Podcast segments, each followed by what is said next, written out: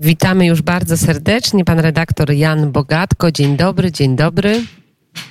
Dzień dobry, dzień dobry pani, dzień dobry państwu. Tak, ze Zgorzelca do Krasiczyna to jednak kawał drogi trzeba przejechać przez całą południową e, Polskę.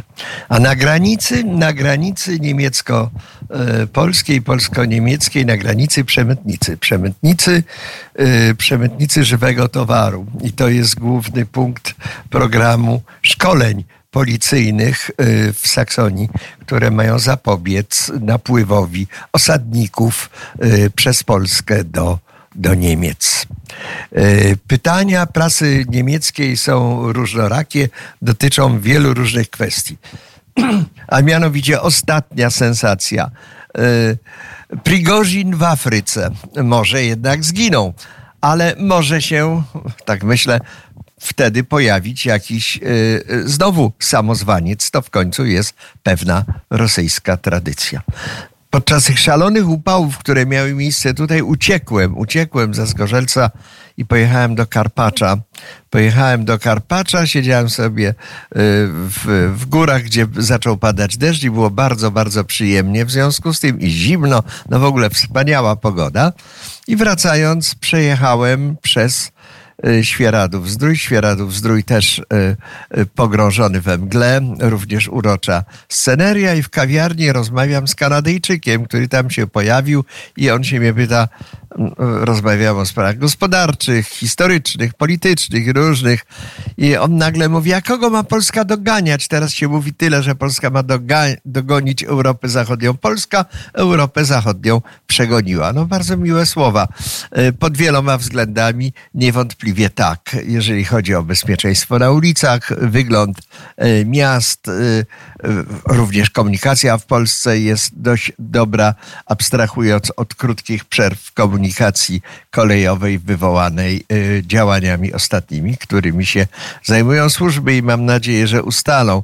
Moim zdaniem ślad prowadzi wyraźnie, wyraźnie na linię Mińsk-Moskwa i to się może y, okazać. W związku z tym, że Polska żyje w obliczu tych zagrożeń różnego rodzaju, to bardzo ważne są dla Polski zbrojenia. I o tych zbrojeniach pisze Filip Fryc korespondent y, gazety Die Welt w Warszawie, podkreślając, że żadne państwo NATO nie wydaje tyle na zbrojenia e, e, co Polska.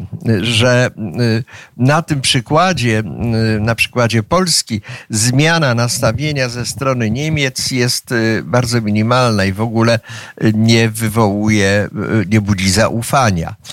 Ale pytanie, które stawia Filip Fritz, skąd są te miliardy? No więc właśnie to jest pytanie podstawowe dla dla e, Fryca, no chyba nie sądzi, że te miliardy e, e, są wypłacane przez obce mocarstwa. Można byłoby pomyśleć, można by pomyśleć, jakie no w ogóle bzdurne pytanie. Mm. Właśnie i to odpowiada też, to się wiąże z kwestią, kogo ma Polska doganiać. No, istnieją bardzo ważne kwestie, na które trzeba wydawać pieniądze i oczywiście uzbrojenie należy do tego. Fritz narzeka i Niemcy narzekają. Dlaczego? Dlaczego Polacy nie kupują tego wszystkiego w, w, Niemczech. Przecież my, Niemcy, mamy wspaniałe, wspaniałe, mm, wspaniały sprzęt bojowy, doskonałe uzbrojenia. Tutaj okazuje się, że, że nie bardzo dajemy sobie mm, z tym radę, z eksportem naszych produktów. No, okazuje się, że Niemcy mają problem z tym eksportem z wielu powodów. Po pierwsze, Niemcy są za drodzy. Po drugie, to już piszą inne, inne gazety i jest to temat z tym związany. Taki temat znalazłem na łamach tygodnika Focus. E, są za drodzy. Terminy dostaw są bardzo wydłużone i bardzo trudne do realizacji. I jest jeszcze trzeci element, no złe stosunki polsko-niemieckie, no o tym trzeba powiedzieć, czy raczej należy powiedzieć niemiecko-polskie, które wynikają z tego, że Niemcy za bardzo wtrącają się w sprawy Warszawy. No i oczywiście Warszawa nie bardzo lubi, jak się w jej sprawy ktoś wtrąca i dlaczego ma wydawać ciężkie, ciężkie pieniądze na uzbrojenie wtedy, y, kiedy y, to ma wspierać państwo, którym no, nie, jest w najlepszych, nie jest w najlepszych relacjach.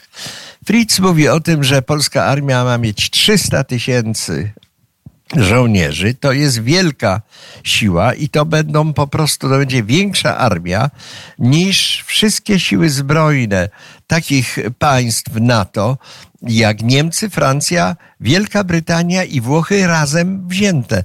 No ale Polska poczyniła pewnego rodzaju doświadczenia. Polska jest państwem frontowym NATO, to jednak przyznaje Filip Fritz i wydaje już teraz 4% y, produktu krajowego brutto na zbrojenia i wzrośnie jeszcze, wzrosną te nakłady w przyszłym roku, w 2024 mają sięgnąć one 5%.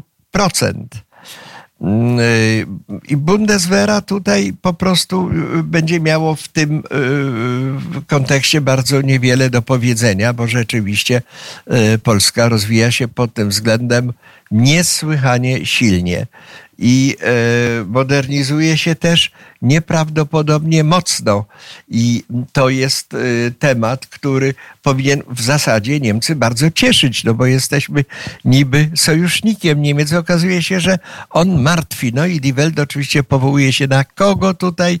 No właśnie, chodzi znowu szukanie, skąd się wzięły pieniądze na te, na te zbrojenia, zamiast się cieszyć, że są, mimo że Unia Europejska dzięki staraniom polskiej opozycji wstrzymała wszelkiego rodzaju płatności z różnych funduszów na rzecz Polski ze strony Unii Europejskiej. I tutaj Tomasz Siemioniak jest, e, z nim przeprowadzony jest wywiad e, w Die Welt, e, wiceprzewodniczący największej partii opozycyjnej Platforma Obywatelska, jak tutaj pisze dziennik, były minister obrony, on mówi, że to wszystko jest nieprzejrzyste, nie wiadomo skąd się to bierze. No, bierze się z budżetu najprawdopodobniej. To byłaby prosta odpowiedź, ale oczywiście tak prosto na tą odpowiedź odpowiedzieć się, odpowiedzieć się nie da.